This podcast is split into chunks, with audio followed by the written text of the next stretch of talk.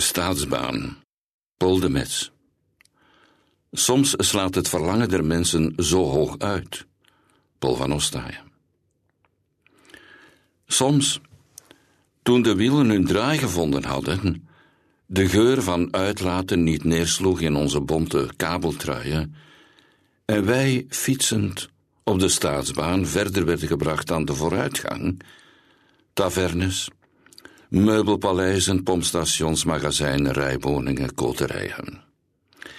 En koorts doorschoten de neons, de benen in de etalage, slechts waren een vergelijken tussen gezien hebben en wegkijken.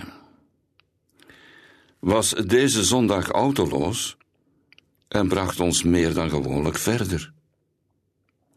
Soms sloeg ons verlangen zo ver uit dat wij getakeld werden. Onze wielen bleven draaien. En staken we onze vingers tussen de spaken van drang en droom. Nog geen van ons kende het zijn van deze zijde, lichaamloos.